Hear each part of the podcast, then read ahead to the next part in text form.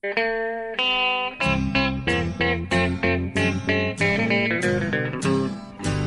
out there, we're on the air. It's hockey night tonight. Tension grows, the whistle blows, and the puck goes down the ice. The goalie jumps and the players bump, and the fans all go insane. Someone roars, Bobby scores at the good old hockey game. Oh, the good old hockey game is the best game you can name. And the best game you can name is the good old hockey Hallå, hallå, hallå, hallå, hallå, hallå, hallå. Du är det äntligen dags för ett nytt NHL-poddavsnitt. Det är avsnitt nummer 62. Det blir lätt för oss att utse bästa 62. Jag tror... Har du det på läppen, Bjurman? Nej, jag har ingenting på läppen idag. Det är Karl Hagelin. Ja, det är klart. Ja, ja. Vår favorit som vi fick eh, stöta på i omklädningsrummet. Du träffar han ju dagligen i princip. Som du fick stöta på i omklädningsrummet. Vad säger du? Ja, inte, inte riktigt eh, så pass vill jag inte uttrycka det. Men eh, som jag fick eh, träffa på då, i omklädningsrummet. Ja. Ja, trevligt. ja, men eh, välkommen till den 62 podcasten Per Bjurman. Tack så mycket. Ja. Youngblood Ekeliv. Ja, det blev ju så här att vi hade haft om eh, lovat att vi skulle spela in den här podden efter eh, de olika serierna var... Alltså mitt emellan är glappet in, inför round two. Men nu blir det så att, att vi spelar in det redan nu på the eve of eh, eh, ja, Tampa mot Detroit. Som spelas Ja. precis eh, om några timmar när vi, när vi lirar in den här podcasten. Så vet vi ju faktiskt inte hur det kommer gå. Eh, men eh, vi, vi, vi, får ju, vi vet ju de flesta mötena i alla fall och vi får diskutera lite. Det blir en slags preview ändå på, på serien som kommer och en liten analys av round one. Ja, vi hoppas ju ändå att det är Detroit som vinner den här Game 7 i Tampa, eller hur? En enad podcast här som eh, verkligen eh, är rödfärgad eh, ute i fingerspetsarna. Nej, så är det inte. Definitivt inte. Jag har ju lite för starka känslor för det blåa laget på den Floridas västkust. Så är det ju. Men ja, jag, jag- tänkte så här. Det är ju så att Bjurman, du, du måste stänga igen butiken ganska snabbt. Vi kan inte köra en sån här maratonpodd idag. Om du, nu, som du säkert hör så håller de på och borrar i lägenheten ovanför mig igen. Ja, du ser, det här är ju ett eh, fenomen som eh, brukar, brukar dra igång precis när vi ska spela en podd. Men vi måste köra just nu för att Ja, det har pågått hela dagen så det går inte att göra någonting åt. precis. Och imorgon så kunde, eh, får vi inte riktigt till det heller. Det är valborgsfirande och det är tajt schema och så grejer. Så vi måste spela in nu. Plus att om det här röda laget skulle vinna en natt så, så skulle det vara helt omöjligt att spela in en podd ändå. För att ena parten av podden skulle vara väldigt... Ja, kommer sova bort en dag ska jag säga. Skulle du bli jätteledsen då? Ja, det skulle, skulle kännas. I själen. I hjärtat. Skulle jag. Men de kan inte gärna förlora nu när eh, Kronwall är avstängd och Sid Lick är borta. Eh, det är ju Detroits B-lag de möter. Det vore ju skrattretande om de inte vinner en sån match på hemmaplan. Jag har ju fått den här typen av sms eh, ett tag här så att jag får försöka... Men nej, det är klart att det här är... Förutsättningarna talar ju för Tampa Bay som faktiskt är skadefritt och inte har några excuses i år på något sätt. Utan, eh, ja, många har ju haft Tampa, inte bara jag, eh, jag, jag, jag har ju varit lite skeptisk och försökt vara lite realistisk i mina Tampa-utsikter. Men det är, det är till exempel, The Hockey News hade ju Tampa Bay som Stanley Cup-favorit inför slutspelet. Så det är klart att det vore ett fiasko att åka ut redan i första rundan. Detroit har gjort Ja, det fantastiskt bra. Det har de ju i final. Ja. Precis. Men det har ju varit en, eh, har varit en mycket underlig serie eh, den här mellan Detroit och Tampa. Varje gång det känns som ett lag har tagit kommando så har det andra vunnit. Eh, Eller kommit tillbaka i slutet av matcher. Så det är, helt ologiskt ska den vara. Och det tar väl då kanske för att Detroit samlar sig i vad de upplever som en orättvisa i att Kronwall har blivit avstängd och eh, gör tidernas match. Ja, ska vi ta upp den eh, direkt då? För det har ju varit en supersnackis eh, senaste, ja, sen, sen den ägde rum egentligen. Kronwalls Kronvalls tackling på Nikita Kucherov när han gör en klassisk cronwall. Det är så mycket, det är liksom patenterat in i... Det, är, det är precis så där en cronwall ser ut. Att han kliver, pinchar upp och eh, sätter en tackling. Nu kanske han kom lite misstajmat den här gången. Ja, han, sådär högt brukar, armen brukar väl inte vara sådär. Och sen är det ju ständig diskussion om huruvida han hoppar eller lyfter efter han har satt in tacklingen. Ja. Jag, jag, i, Du tycker såklart, jag, jag vet vad du tycker. Det är ingen, det är ingen poäng vad du tycker. Du, tycker så, du är färgad, du, skulle, du kan inte se den situationen nej, jag kan inte säga en situation. objektivt. Det kan väl inte jag heller riktigt eftersom jag känner människan och tycker synd om honom. Ja.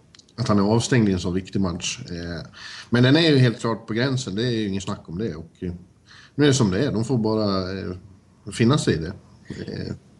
Jag, jag tycker... det, väldigt, det känns ju så här i efterhand som det var ju väldigt onödigt. Det gjorde ju varken till eller från i matchen. Nej, eh, jag tycker väl att... Eh, ja, alltså... Nej, jag, ska, jag ska inte gå in på tacklingen för jag blir så, det blir ju så färgat. Men jag kan förstå frustrationen, om man säger så här, från det perspektivet att vi har ju sett många avstängningsbara situationer i det här slutspelet. Och eh, inför den här smällen eh, så var det ju diskussionen att eh, det verkar som att Department of Player Safety har tagit ledigt. Liksom. De, har, de, de, de kör en Sharks och går och kör, spelar golf istället. Ja. För att det har ju varit väldigt många situationer som definitivt borde ha behandlats i deras eh, konferensrum där. Eh, jag tänker inte minst på det vi såg direkt i slutspelet när P.K. Subban tog slasher Mark Stone som jag ju tyckte skulle vara en avstängning med tanke på intentionen där. Det är ju för att skada. Det, det, det är ju svårt att argumentera bort. Och samma sak med Dustin Bufflin när han crosscheckar ner eh, Corey Perry när han har, står och firar sitt mål. Det kan ju, det kan ju liksom inte... Det behöver inte ens en två minuter liksom. Nej. Eh, så att... Eh, Nej. Och vi såg just en, en video när Palat hoppar in i Glendenning det är ju tråkigt, det tråkiga med när sånt här händer, att det blir ju alltid såna här diskussioner som tar fokus från att det är roligt med hockeyslutspel så blir det eh, diskussioner om det där borde ha blivit avstängning och det där borde ha blivit och så blir det bitterhet och eh, alla skyller på sånt här. Jag har ju sett Detroit-fansen är väldigt bittra och går tillbaka till serier förr i tiden när, när Webber slog Zätas huvud i sargen. Och så. Just det. De hade ingen avsikt. det är sånt. Nu menar de att eh, NHL är emot dem. Ja, det, det, det precis. ja, det, det är ju svårt att tänka mig men det, man ser ju till exempel, det var ju märkligt det här med i Vancouver-Calgary-serien också när det instigatades fight, fights liksom i sista fem minuterna som automatiskt i grundserien är delar i, i, match, i liksom avstängning. Och det, det, upp, det liksom upphävdes här i slutspelet helt plötsligt.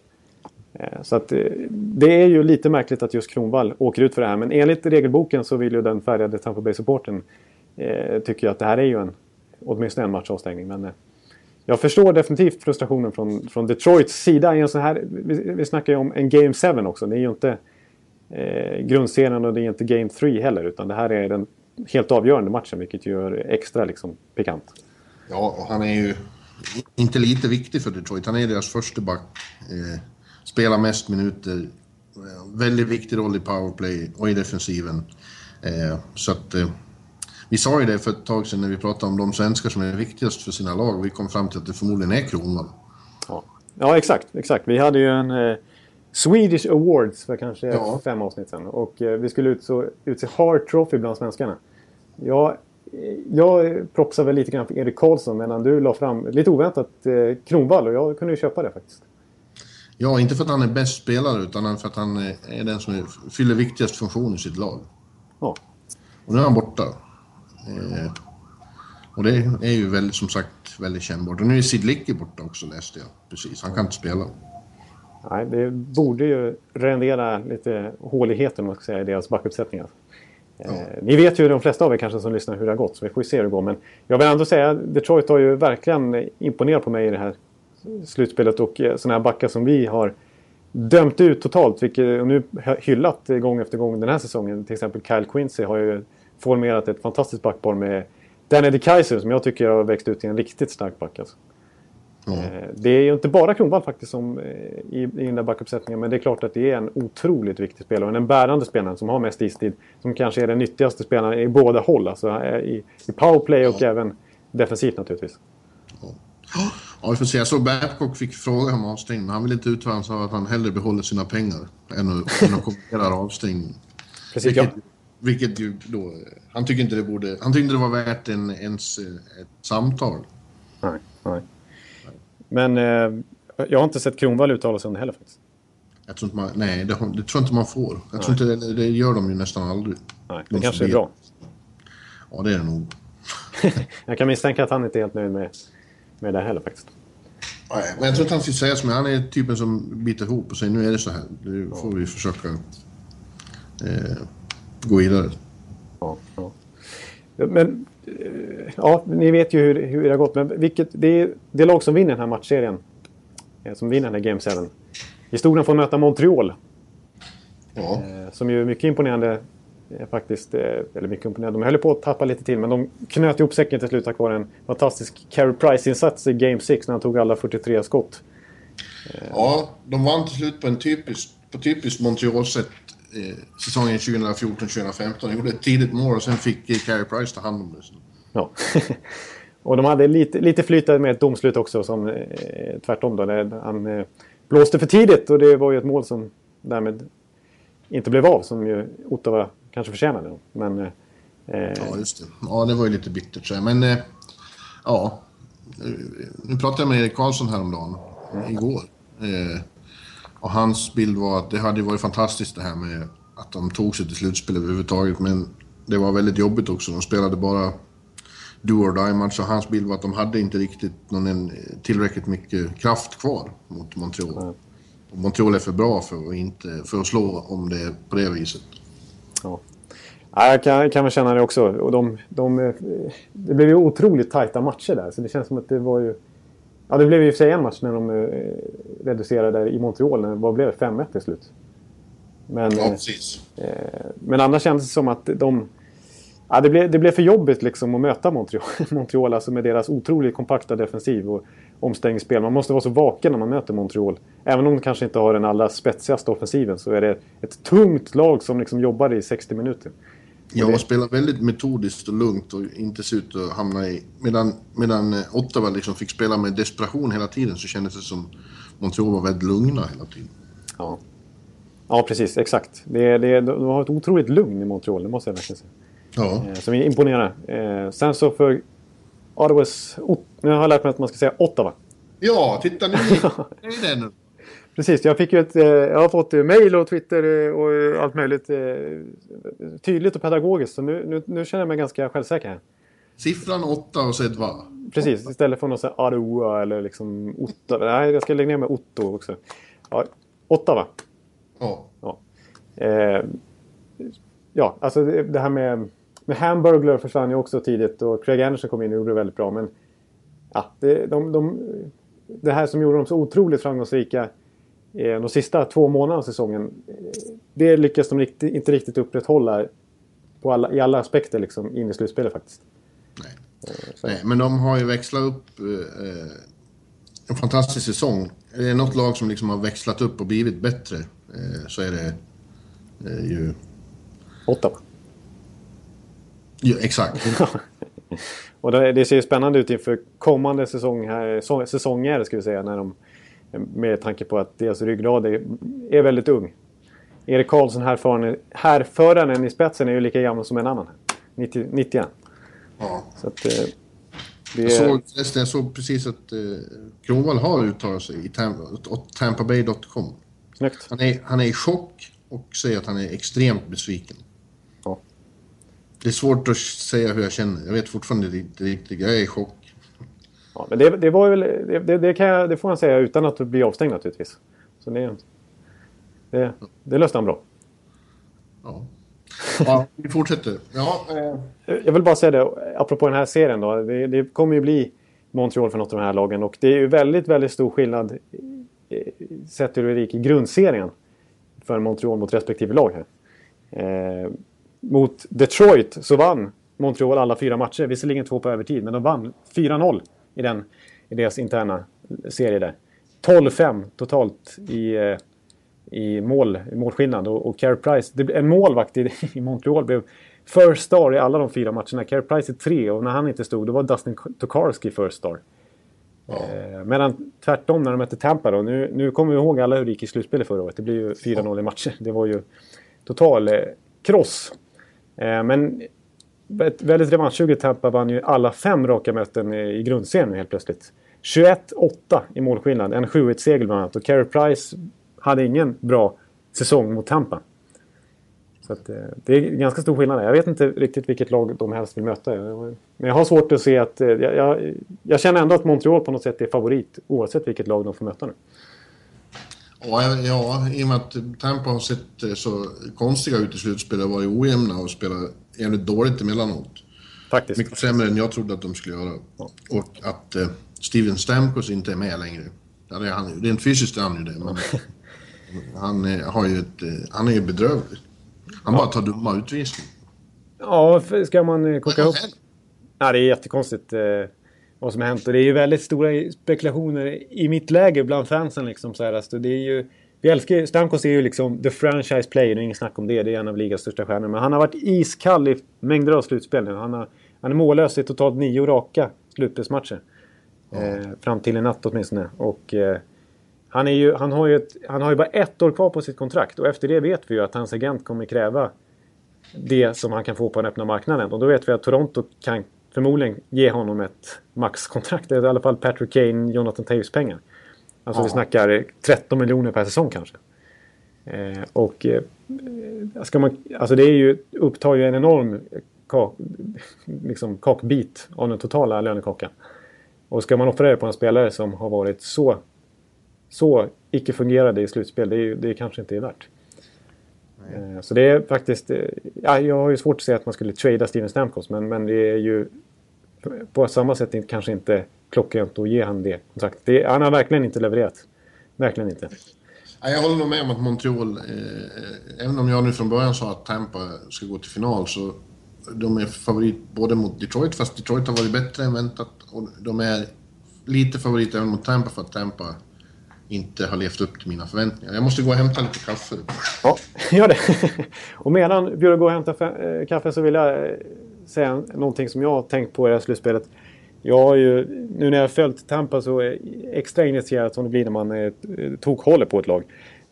så, så, tycker jag tydligt när det kommer till slutspel att, att det, är, det är så stor skillnad mot grundserien. Att det, det är, I grundserien så handlar det väldigt mycket om att ha en...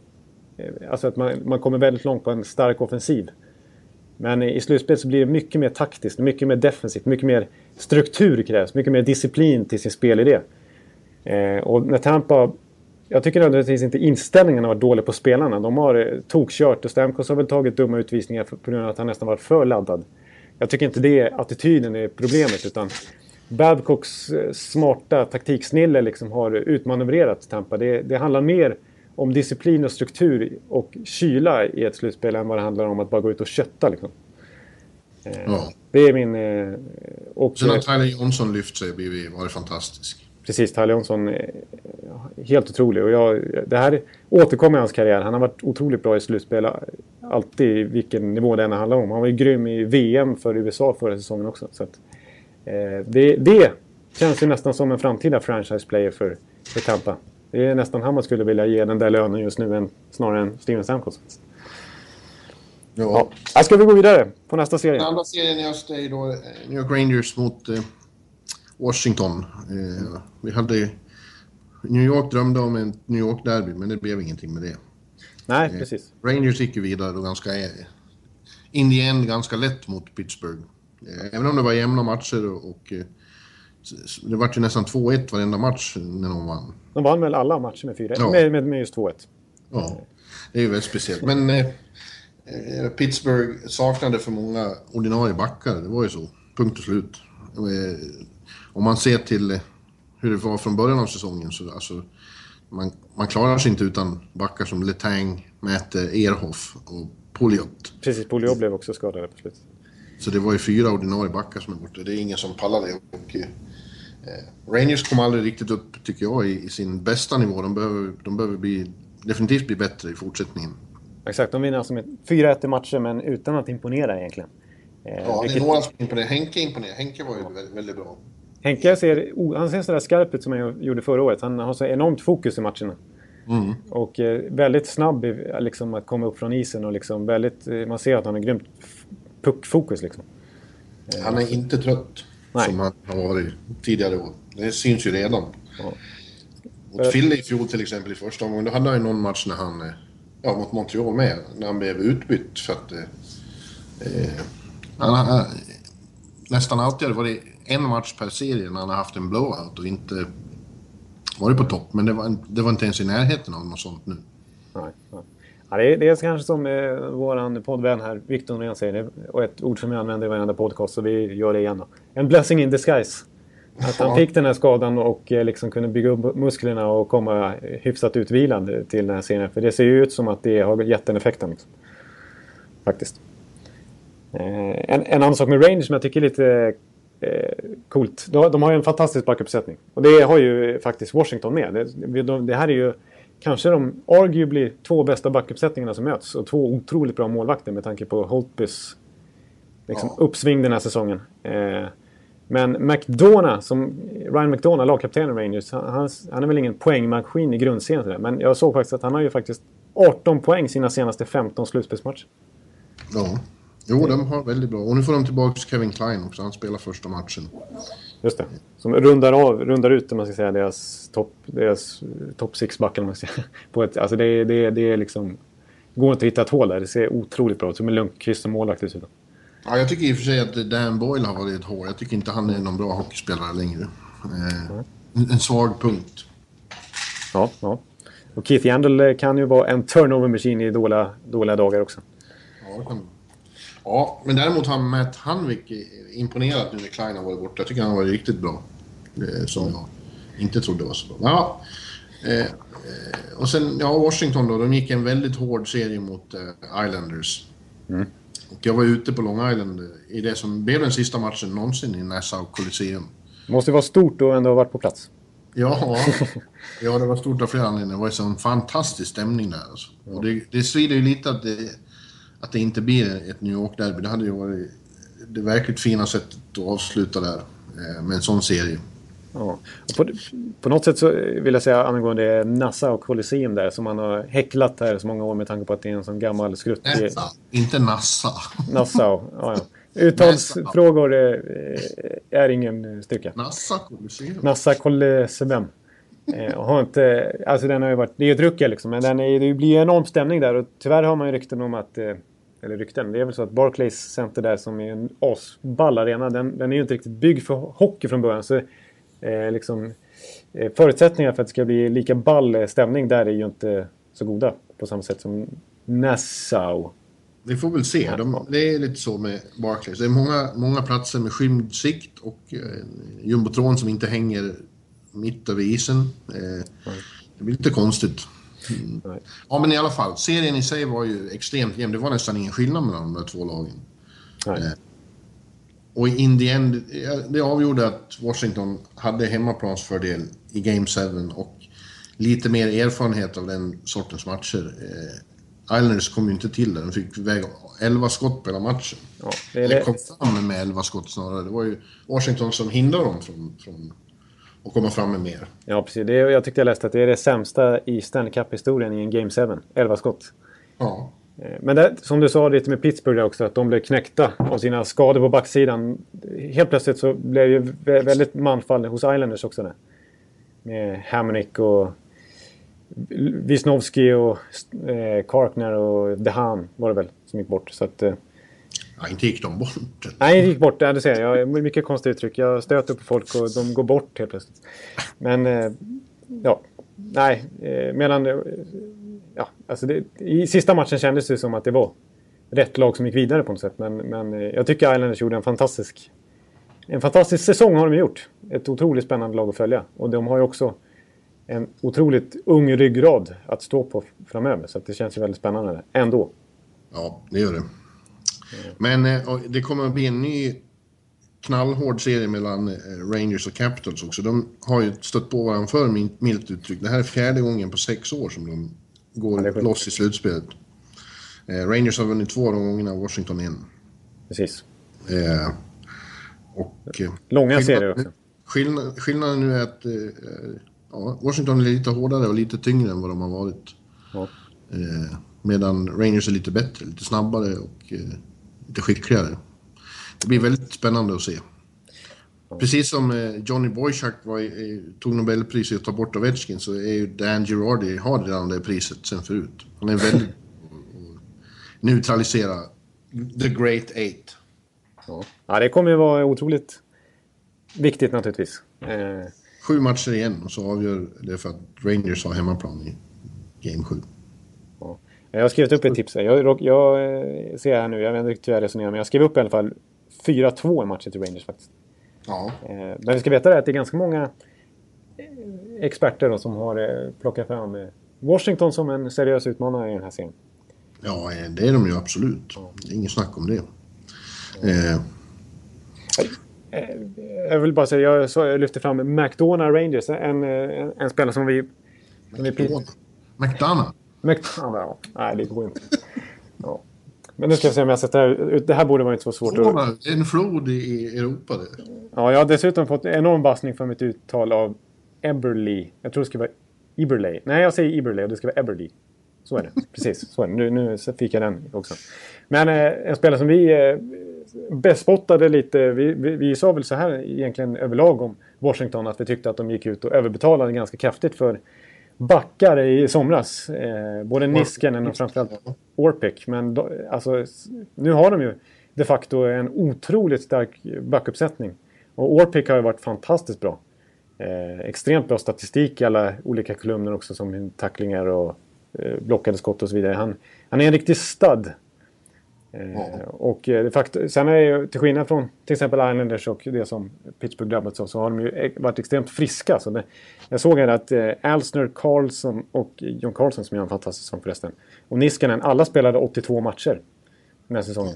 Eh, och eh, Orpik som har haft lite skadehistorik, han spelar också över 70 matcher någonting. Så att, eh, de säger ju otroligt, det är, det är consistency där. De har verkligen byggt, alltså Trots har verkligen fått ihop det där laget till slut. Det började lite halvskakigt första månaden. Men eh, nu är det en maskin och det känns som att de är, det har jag varit inne på flera gånger också, att de är mer kalibrerade för slutspel än vad de någonsin varit egentligen. Det här laget. Ja. Det blir, det blir jämnt, men jag säger nog ändå Rangers faktiskt. Ja, jag säger också men jag säger E7. Eh, det, det, det har, varje, gång har det, varje gång de har mötts så har det blivit 7 också. Ja, det kanske är så. Eh, och det känns som det är ännu mer upplagt för det nu. Men å andra sidan känns det som Rangers har varit rätt bra mot Washington i grundserien i år. Eh. Precis, de, har, de tog de tre första matcherna. Jag tror någon är ganska rejält också. Sen så den enda matchen jag såg den här säsongen mellan Rangers och Washington, den vann ju Washington och det var den som spelades den sista den 29 mars när de vann med 5-2 i Madison Square Garden. Ja, just det. Men ja, annars, annars statistiskt sett så har ju Rangers fördel. Faktiskt. Det betyder ingenting nu. Det Nej, det betyder ingenting. Ja. Grundserien har vi fått lära oss ännu en gång. Det, vad som händer där har väldigt lite betydelse för det som händer nu. Normally being a little extra can be a bit much. But when it comes to healthcare, it pays to be extra. And United Healthcare makes it easy with Health Protector Guard fixed indemnity insurance plans. Underwritten by Golden Rule Insurance Company, they supplement your primary plan, helping you manage out of pocket costs without the usual requirements and restrictions like deductibles and enrollment periods. So when it comes to covering your medical bills, you can feel good about being a little extra. Visit uh1.com to find the Health Protector Guard plan for you. Precis. Ja, så har vi väst då. Första ja. serien Anaheim-Calgary. Anaheim som inte hade något större problem att, avfärda. De svepte ju Winnipeg. Otroligt starkt gjort, framförallt att åka till Winnipeg i den sanslösa stämning eh, som var där. Gå in där och vinna två matcher, det är, det är väldigt imponerande. Ja, det är, det är helt otroligt. Alltså starkt gjort av Anaheim för det kändes som att vi, både du och jag hade väl fyra, tre matcher till just Anaheim men vi trodde att det skulle bli tokjämnt. Ja. Eh, och eh, Winnipeg var ju, flög plötsligt upp som en riktigt stark utmanare överlag sådär. Men, alltså att, att det här, Anaheim skulle få stora problem. Ja, det var många som trodde att Winnipeg skulle skrälla och slå ut dem. Ja. Jag har aldrig sett ett Bruce Boudreau-lag spela så, så bra i, i slutspel så med, med sån självklarhet i alla situationer. Liksom. Ja. Sånt självförtroende och sån pondus. Ja, precis. Eh, pondus, det är precis helt rätt ord. Och nu tycker jag, alltså Bruce Boudreau, det kanske jag var inne på i no, för några poddar sen eller i någon preview eller om det var förra veckan till och med. Att han, han har ju varit lite känd för att bli liksom i slutspel att äh, tappa tålamodet lite och sen så om de förlorar någon match, då, då ska vi minsann äh, ruska om bland kedjorna och testa något annat. Och oj då, liksom, det blir lite panikartat. Men nu har han hittat liksom otroligt liksom eh, ja, tandems liksom. Och de har, de, alltså, snacka om att det blev succé att eh, plocka in Ryan Kessler. Eh, ja. För att han har ju, var ju grym i de här alla fyra matcherna mot Winnipeg. Och eh, kanske var inne på det lite, lite förra veckan också att det känns som att de har liksom eh, så, just det här med tandems. De har ju Corey Perry och Gessler i första kedjan. Riktigt stark. Sen har de ju då en one-two punch med, med att Kessler kommer in i andra kedjan med Silverberg som gör ett otroligt starkt slutspel. Ja, Silverberg, det tror jag vi var inne på redan förra veckan. Att han, får, han ser ut att få sitt stora NHL-genombrott i det här slutspelet. Ja. Han är ju en gammal slutspelskung från Sverige. Och nu visar han igen att han är väldigt bra på att spela slutspel. Ja, precis. Han har, han har han är ju väldigt spelskicklig men han har, också, han har också lite grit och han är bra på skridskorna och han är, är ju en fantastiskt bra defensiv spelare också. Mm. Han, han, har ju verkligen många verktyg och han är lite lik Kessler på det viset fast ytterforward på något sätt. Eh, lite såhär Selke-mässiga i spelstilen. eh, och sen så eh, till och med eh, Raquel som jättesnabbt har etablerat sig som en riktigt bra NHL-spelare och som ju formar ett, ett tandem kan man säga i tredje linan också med Cogliano som också gör, har puttat upp en, ett antal poäng. Eh, så att de, de känns ju breda i år. Ja, verkligen. På ett annat sätt. breda. Det var ju för bara något år sedan så hängde allt på Getzlav och Perry. Och Precis. så är det verkligen inte längre. Nej, nej. Och sen, så har, sen, sen har vi ju... Vid trade deadline där så snackades det om att nu måste, alltså det, de fick ju lite panik där för att deras backuppsättning eh, slarvade och det var eh, några som inte levererade. Det kändes som att de hade gjort fel eh, val. De tröjade till sig Brewer till exempel, funkar inte alls och sådana grejer. Och lite skador kanske här och där och Mumps och allt vad det var. De ställde till det. Men, men nu, är det, nu, är, nu har de en otroligt solid eh, sex backar som rullar runt. Det, det skiljer otroligt lite i speltid mellan dem. Jag såg att Bushman som är väl en deras första backar då. Han har 23 minuter i snitt per match. Stoner har minst speltid 18 minuter. Det skiljer bara 5 minuter mellan ettan och sexan i, speltid. Eh, och de gjorde faktiskt 14 poäng tillsammans, de här backarna. Eh, på bara fyra matcher. Det är överlägset bäst snitt av alla eh, backuppsättningar i, i, av övriga konkurrenter i slutspelet. Eh, så att, eh, det, på backsidan kan man verkligen prata om bredd också. Och då sitter ju en sån som James Wisniewski på läktaren. Ja. Att, eh, Men de får möta en väldigt bra motståndare nu också. Slutspelets eh, största positiva överraskning så far, eh, får man väl säga. Ja. I Calgary. Som alltså manövrerade ut eh, Vancouver till slut. Eh, med sin Precis. hunger och sin, ja vad ska man kalla det, ungdomliga entusiasm och sin, sin fantastiska karaktär. Sin, ja. sin, sin, sin kollektiva moral. Ja. ja, det är NHLs bästa LAG. Det är inget snack om det.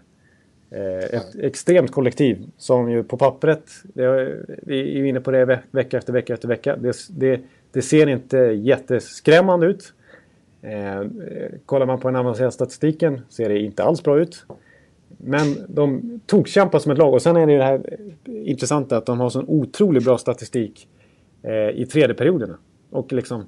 Ja, nu har ju Anaheim det med. Precis, det, det, det är det, som är oroväckande. Ja om vi så har de en, första kedja som har lyft sig och blivit eh, en av de bästa med, med eh, Gaudreau, Hoodler och eh, vad heter han? Monahan.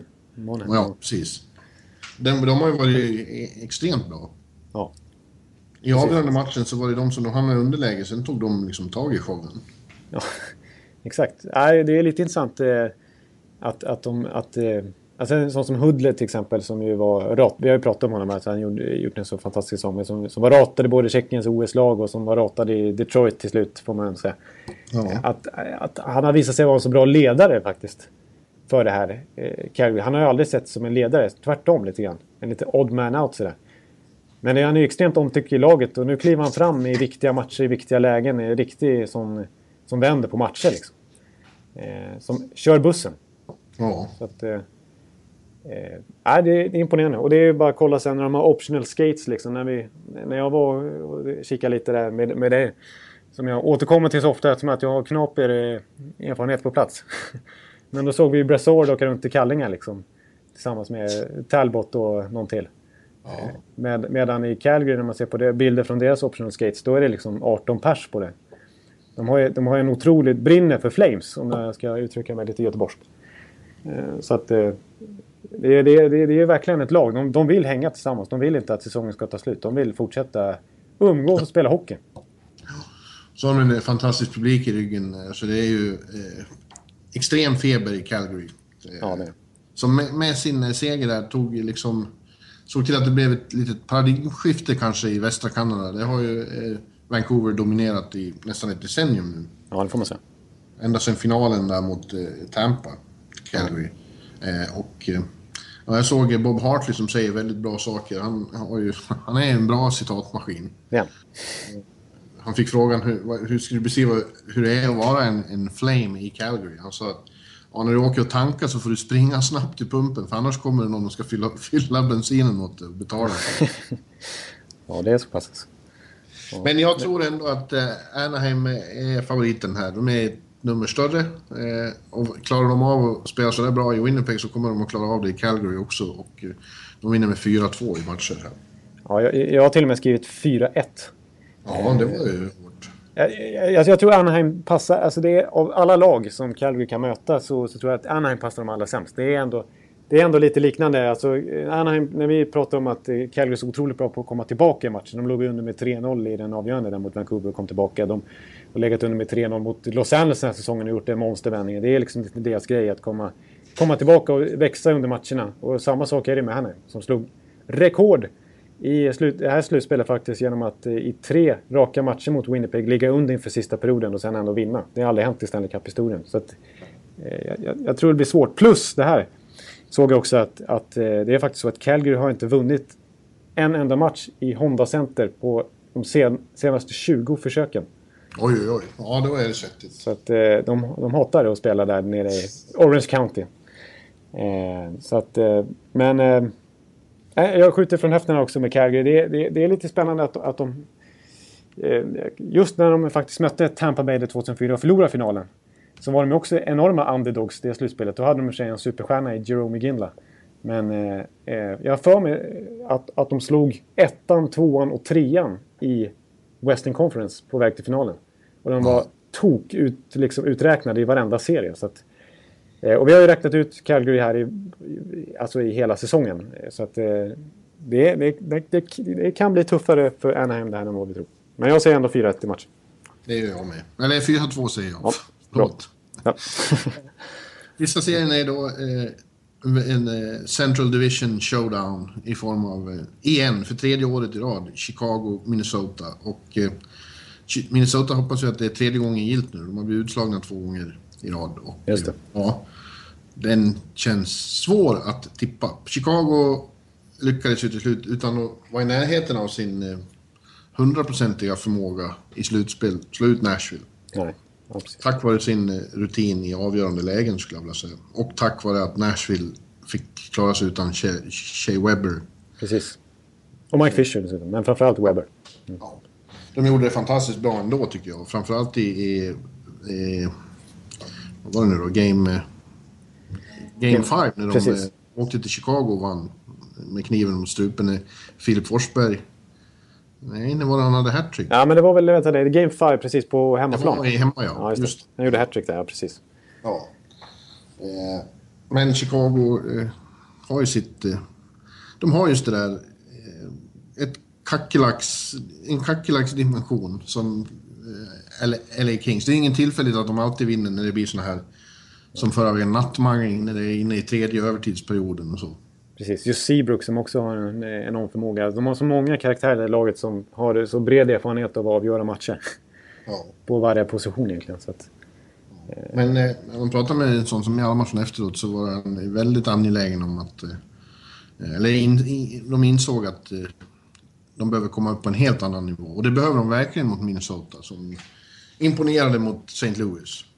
Ja, det känns som att det, det, det är lite märkligt inför, inför den serien är ju att eh, det känns som att 90, nu, nu, nu tar jag i här kanske, men det känns som att 90 tippade St. Louis. Att, eh, det var... 4-3. Vi sa väl här ändå att det skulle bli väldigt jämnt, ja, Alla var ju med på att det skulle bli väldigt jämnt, men det kändes som att det var minst lika många tips på att Winnipeg skulle slå ut eh, Anaheim till exempel. Ja. Och, och att Ottawa, Ottawa, Ottawa skulle slå ut eh, Montreal. Eh, Ja, det trodde ju jag. Det trodde jag också, precis. Eh, men eh, Minnesota gjorde ju eh, proceduren relativt kort. Alltså, återigen åker St. Louis ut i sex matcher och Minnesota såg otro, oförskämt bra ut. Ja. Precis så där bra som de har gjort det hela, hela 2015 egentligen, när de har varit det bästa laget i NHL. Så att, det här kommer bli en, kanske den mest jag ska inte säga de mest sevärda, för det är två riktiga slutspelslag det här. De, de kan både spela lite offensivt och defensivt. De kan ta ut varandra lite grann nästan. Men eh, de, de kanske två bästa lagen, jag vet inte. Eh, definitivt två contenders om de väl går vidare i alla fall. Ja, jag tror att eh, Chicago i alla fall varit oroliga. Hjalmarsson sa det, de är, eh, det som känns som skillnad är att de har fått större bredd, framförallt på backsidan. Förut handlade det så extremt mycket om Suter och eh, Brodin. Mm. Eh, men precis som du beskrev Detroit där nu så är de har väldigt bra backar i alla tre backparen. Precis. Gandella Spurgeon har ju snott ganska mycket istid av Suter nu. Han ligger inte på en halvtimme per match längre. Utan det är ganska mer jämnt fördelat än vad det har varit tidigare i alla fall. Ja. Så att, eh, eh, sen har ju faktiskt eh, i, i Minnesotas fall eh, så har de kommit igång offensivt också. Men det är mycket... Ja, de, de, de, de, de vann ju mycket på offensiven också mot St. Louis. Eh, trots att vi kanske tyckte att det såg lite vassare ut med en sån som Tarasenko. Eh, Bredde, Stasny i tredje kedjan i St. Louis, allt vad vi sa. Men, men den bästa kedjan var ju den med Parisi, Granlund och Pomerville. 17 poäng på St. Louis, eh, som också har ett fantastiskt backuppsättning. Mm. Eh, och jag vill ändå säga det, alltså, den 4 juli 2012 när alltså Minnesota skrällartat lyckas signa både Suter och Parisi samma dag. Mm. Eh, alltså, av, det finns ju stjärnor och stjärnor i NHL så att säga. Jag tror att Suter och Parisi är två väldigt, eh, väldigt bra stjärnor. alltså det är bra ledare båda två. Alltså, Parisi har varit väldigt bra nu. Mm. Eh, verkligen levt upp till sin eh, potential.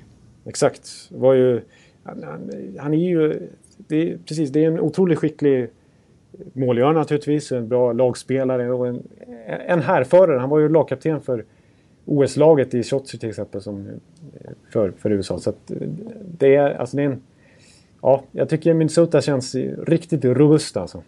Ja, ja det tycker jag med. Men eh, jag, jag har sett Chicago för många gånger och vet vad det finns för potential, hur många matchvinnare det finns där. Och eh, Patrick Kane är på väg att bli Mr Showtime Ja. Han är på väg tillbaka mot form. Alltså, att, just i den Filip Forsberg-matchen där så gjorde ju Patrick Kane det allra snyggaste. Det man kanske kommer ihåg allra bäst. Alltså den spinorama-passningen. Är ju, ja. är ju kanske det snyggaste målet hittills i slutspelet. Det är bara att youtuba fram om man mot förmodan har missat. Ja. Eh, så att, men eh, jag är öppen för att nästan vad som helst kan hända i den serien. Men jag säger ändå Chicago 4-3. Därför att eh, ja, jag, har, jag har så höga tankar om deras slutspelsförmåga. Precis, det, det är också Jonathan Taves lite i skymundan leder ju faktiskt poängligan i slutspelet. Ja, ja. Eh, och ändå så snackar man väl kanske mest om att Marian Hossa har varit den bästa forwarden i Chicago liksom spelmässigt. Och, och Brandon Saad och Brad Richards har varit bra till och med. Ja. Men vad ska vi säga om eh, stackars St. Louis då? Ännu en gång blir det vår för tidigt i St. Louis. Och, eh, jag kan inte annat än tycka lite synd om dem, för de, de eh, blir ju bättre för varje år. Det är bara det att konkurrenterna blir ännu bättre. Och, de spelar i den fruktansvärt hårda Central. De kommer aldrig ut ur den. Hade de varit ett östlag så hade de varit i, i konferensfinal efter år. Ja, precis. Det, är, det, de får, det, det, det är liksom... Oh, det, de har ot, alltså, man kan inte, det är slut på excuset nu för St. Louis, så har det ju snackats om. Liksom. De kan inte hålla på och skylla på det här hela tiden, för de lyckas ju aldrig. Men det, det är självklart så att de har det väldigt tufft i Central. Alltså de, ja, nu, nu får de ett wildcard-lag och då skulle det naturligtvis bli Minnesota som är, som är liksom det bästa laget 2015 på papper, eh, liksom poängmässigt. Och hade de inte blivit det, hade det blivit Chicago eller Nashville, hade det varit jättetufft det också. Och liksom när de fick ett wildcard-lag för ett par år sedan, då var det ju Los Angeles de fick.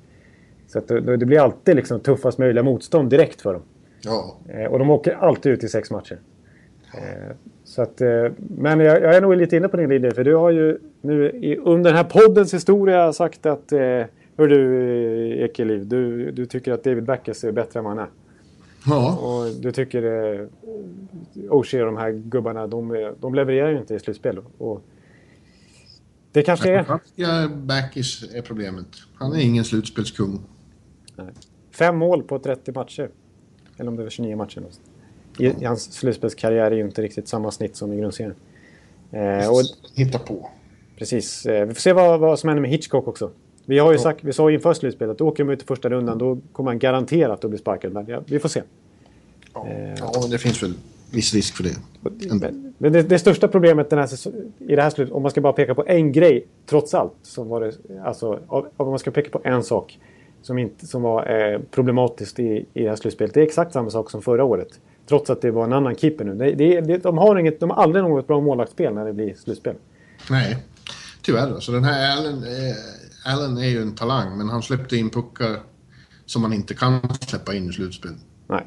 I, i den Game 6, Zach Parise ska inte kunna göra mål från eh, förlängd mållinje ungefär. Nej. Det är inte okej. Okay. I en så viktig match. Eh, jag, jag skrev upp ett förslag faktiskt. Eh, så får du säga, det här får du besvara om du tycker att det här låter rimligt. Och det, det skulle bygga på, på så här alltså. Med tanke det är faktiskt att, att St. Louis ska gå efter Cam Talbot i sommar. Ja. Jag vet inte om det är en till... Absolut. Ingen dum idé. Eh, och att, att St. Louis motbud skulle bygga på Jake Allen plus någonting värdefullt. Nej, jag vet inte. Jag tror inte Range vill ha ett första val. Ja, men det, det kanske St. Louis kan släppa. För, för Cam. Precis. Eh, ja, det blir... Men jag, jag, St. Louis behöver definitivt lösa sin målvaktssida. De kan inte lita på Elliot och Allen igen. Det går inte. Utan de måste försöka hitta på någonting och det sket sig med Miller så det är inte helt lätt det där faktiskt. Det sket sig med Brodeur också. Där. Jag pratade med Sten efteråt, eller hade kontakt, sms med Sten, mm. Alex. Och eh, det var väldigt svårt att svälja. Han hade räknat med att de skulle gå långt i år. Ja, ja det, precis. Det förstår jag. Att, eh, han har varit med ganska... Han har ju varit länge nu i St. Louis och ja. varit med på de här, den här Sodi-perioden. Liksom. Eh, jag vill säga en sak om Nashville också. Eh, också vi, vi var inne lite på det, Forsberg och hattrick i en av matcherna. Så jag tycker, positivt för dem i alla fall är ju att många av de här unga spelarna som har blivit stomkillar eh, var väldigt bra ändå mot, mot, eh, mot Chicago. Alltså fem mål av Colin Wilson till exempel. Ja, de lärde sig snabbt att spela slutspelshockey och de kommer ju ha enorm nytta av den här erfarenheten såklart. Eh, väldigt väldigt betydande för dem. Men de sa efteråt också att en anledning till att vi tror att vi fick stryk var att här för någon månad sedan så kom det in en kille i vårt omklädningsrum och ställde sig på klubbmärket. Ja. Och det jinxade hela resten av vår säsong. Ja, just det. Han var från Örby. Ja, just det. Just det. det, Och, ja, okej. Okay. Ja, ja. så det var ditt fel. Ja, okej. Okay. Ja, det... ja, det där är ju... Eh, den är sådär, jag blir så här eh, paralyserad i blodet så fort någon säger det. Jag, jag, jag får upp liksom Shea Webbers eh, vansinnigaste anlete liksom i mardrömmar ibland. Det är traumatiskt det där. Hej! Ja, jo det var, det var på, på riktigt det kanske. Men, eh, ja, men Ekholm plus fyra i, i plus minus mot Chicagos offensiv och trots att de åkte ur. Det är starkt. Ja, ja han blir en tillgång för VM-laget också. Precis, det blir han. Vi kanske ska komma in lite på VM. Ja, in, innan det så vi, ska, vi måste runda av ganska snart. För klockan börjar närma sig det, det klockslag som du måste stänga ner på. Mm. Eh, men... Eh, ja, det är väldigt många NHL-proffs ja, överhuvudtaget i VM, men inte minst i Tre Kronor-truppen. Ja, ja det, det är överlag. Alltså det, här, det känns som att det kanske är på pappret mest eh, stjärntäta VM vi, alltså, jag har upplevt på väldigt länge. Det var väldigt bra stjärntätt även VM 2012 när Sverige floppade på hemmaplan. Ja. Men... Eh, alltså, nu är Crosby med i Kanada med Giro och snart är Stamkos där också. Just det, just det, just det. Nej. Nej men eh, ja, Seggen är med, det är Giroud. Jag tyckte jag såg när de ställde upp sina kedjor där hur de hade tränat Kanada. Då, då såg det till och med ut som att Hall var... Taylor Hall liksom är extra forward. Han får typ inte plats. Alltså det, Nej. Duchene är med också. Det är framförallt på forwardsidan som de imponerar. Precis, och det är på, på, till och med på coachsidan så är det bra. Todd McLellan ställer upp som headcoach. Bill Peters, Jim Nill, känn på det, är general manager. Det är lite Detroit-prägel där. Ja. De kan värva lite Detroit-spelare här imorgon. De kanske vinner, men det ser väl eh, okej ut. Som vanligt var det lite strul här. Den här Patrik Hörnqvist-historien vart inget bra. Nej, det var tråkigt faktiskt att han... Eh, att, eh, att, äh, märkligt skött va? Eller? Ja, han gjorde klart att han var tillgänglig och de sa till honom att vänta. de ville invänta vad som hände sista matcherna här. Då, då gav han fan i det. Och det kan jag förstå. Han är ju ingen rookie. Han har varit med länge, han har varit ratad i OS. Han har nog rätt att begära lite mer respekt än så tycker jag. Precis, och man tycker ju att eh, så otroligt starkt är inte Tre Kronor-laget att Hörnqvist inte ska ha plats där liksom utan att blinka, liksom, tycker jag. Exakt, det är väl ingenting att tveka om. Man skulle lyfta laget som det ser ut nu direkt. Ja, ja jag, jag tycker... Men, han verkar inte stå något särskilt högt i kurs hos den här landslagsledningen. Så då får de väl ha det så. Ja, det är upp till dem. eh, ja, jag, jag tycker... Ja, sen, sen kom det för sig fram också, avslöjade i Pittsburgh, att eh, Hörnqvist har ju spelat med ett brutet revben här. Ja. Eh, och ändå så var han ändå villig och öppnade för VM. Det är ju snacka om karaktär. Han eh, har Ja. smärttålighet. Eh, sen så, en sak som jag reflekterar över, som jag, ingen har sagt någonting om, och som jag tror att du tycker att jag ska ge blanka FAN i också. Eh, men som jag tycker är lite märkligt, eh, apropå det här med Sedinarna. Att, att det snackas om att de, eh, att man, man- liksom Eh, att, de får, att de ofta hamnar i kläm i sådana här toppdiskussioner för att de är ju två stycken och de är beroende av varandra. Liksom, och att, eh, det är ju faktiskt två individer naturligtvis som är fantastiskt skickliga och spelar båda två var för sig. Men jag tycker det är lite konstigt så här, eh, att båda nu tydligen är skadade. Eh, alltså, en kan väl åka i alla fall. Ja, jag- jag vet inte. Jag tror att, eh, jag tror att grejen är att de eh, vann sitt guld där 2013. De är 34 år nu. Jag tror att eh, landslagskarriären eh, kröntes där. Jag tror inte det blir något mer. Nej, Nej det kanske är så. Man, eh, De, var hjälpte, de hjälpte Sverige till VM-guld på hemmaplan. Jag- tycker inte det behövs göras så mycket mer för deras del. Nej, det var på hemmaplan. Det var ju otroligt. Och de, de var ju faktiskt, det kan man, man kan inte, inte nog understryka deras betydelse för det VM-guldet. För de, den injektionen som de innebar var ju helt extrem. Det var ju ett, ett svenskt lag som var väldigt, väldigt uträknat när de klev in där. Ja. Att, eh, men eh, överhuvudtaget alltså, i andra, i andra nationer så tycker jag det är spännande också. Ryssland, Malkin småskadad ska ändå spela där. Där det är ju verkligen så här, där, där får man inte säga nej till Ryssland. där kallar plikten i allra högsta grad. Tarasenko, det ska bli intressant att se den här Pana, Panarin. Ja, jag tror det är dessutom så att ryssarna får rätt bra betalt för att komma hem. Det kan vara så, precis. Vi såg ju bilder från eh, när de hade vunnit VM-guld där eh, förra året när de eh, hälsade på hos Putin och det var klockor och det var, det var bilar de skulle få och allt Ja. Men Panarin som, eh, som ju varit kung där i Sankt Petersburg som ju ryktas här i veckan var väldigt nära Chicago till nästa säsong. Eh, och kliva in och, och göra riktigt bra ifrån sig. En, eh, alltså, å andra sidan har de här ryska spelarna som har varit så otroligt dominanta i KHL nödvändigtvis inte akklimatiserat sig så star- snabbt till NHL. Alltså, vi, Radulov till exempel har ju floppat väldigt ofta i NHL och eh, Kuznetsov gjorde ett fantastiskt grant mål och avgjorde Game 7. Men dessförinnan har han varit rätt ifrågasatt den här säsongen. Eh, Ja. Kuznetsov som var Så så det är. Jagr också. Men eh, nu ska vi inte prata så mycket VM. Kopitar och Gaborik och grejer. Folk lyssnar inte på den här podden för att Nej. lyssna, för att höra om VM. Det Nej, finns det andra som pratar om. men de, ska, de, de kommer med intresse, våra poddlyssnare, att se på USA också. Där det finns mycket intressant spel. Jack Eichel till exempel ska ju spela. Det är för- första gången vi får se han på allvar. Dylan Larkin som är Detroit Prospect som ju var kung i JVM och får chansen. Det är ett ungt lag USA kommer med. Steve Moses som har varit kung i, i Jokerit den här säsongen som mängder av NHL-lag rycker i. Ska bli spännande att se på den här nivån också. Så att jag, jag ser ändå fram emot VM parallellt här med det vi sysslar med på nat- nattetiden. Ja. Eh, Ja, vi, vi, vi kanske ska runda av då. Gav vi något tips förresten på eh, Minnesota mot eh, Chicago? Ja, jag sa 4-3 till Chicago. 4-3? Ja. Det gjorde du med tror Det jag. gjorde jag också, okej bra. eh, ja, då återstår det bara och Det blev ett ganska, eh, ett ganska kompakt eh, poddavsnitt där va? Ja, men eh, vi fick en hel del sagt. Nu, blir det, nu blir det ju bara superspännande att se de här serierna, hur de artar sig. Eh, eh, Montreal-Detroit till exempel, jag tror att det blir någonting att se det. Ja, ja det, precis. Montreal... Ja, precis. Nej, eh, det, det vill jag inte se. Det vill jag inte se. Nu höll jag på att försäga mig totalt här. Jag, jag vet vad jag gjorde samtidigt som du sa det. Jag höll på att kolla upp eh, konkurrenter till Hagelin om vem som är bästa nummer 62. Ja.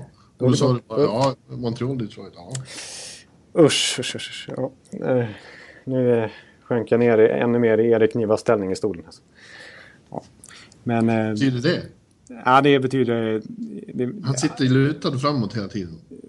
Ja, det kanske... Nej, han, han har en, en hållning som ju inte är sådär eftersträvansvärd eh, på samma sätt som hans eh, texter. De, de är lite mer eftersträvansvärda. Så att, så att, eh, ja, men... Eh, ta nu och klipp det här så hörs vi under Tampa-matchen. Det lär vi väl göra på sms då. Så, Ja, det kan jag tänka mig. Jag hoppas ju att det blir till min fördel lite grann, men det återstår att se. Yes. Ja, ja. Eh, tack alla lyssnare. Tack, tack. Då Hej är vi... då. Ja, hej, hej, hej. Hej. What comes around goes around. What comes around goes around. What comes around goes around. What comes around goes around. What comes around goes around. What comes around goes around. I take a lot of pride in that. People could probably criticize that I'm a little too honorable, I suppose. What comes around goes around. I've been a firm believer my whole life that what com- goes around comes around. If you're one of those guys that sucker someone when they're down, you go after somebody that doesn't deserve it or isn't the same category as you. Sluta med de här dumheterna och ägna dig åt det du är bra på, annars är din karriär slut. What comes around goes around. What comes round goes round. What comes round goes round. What comes round goes round. Goes round. Goes round.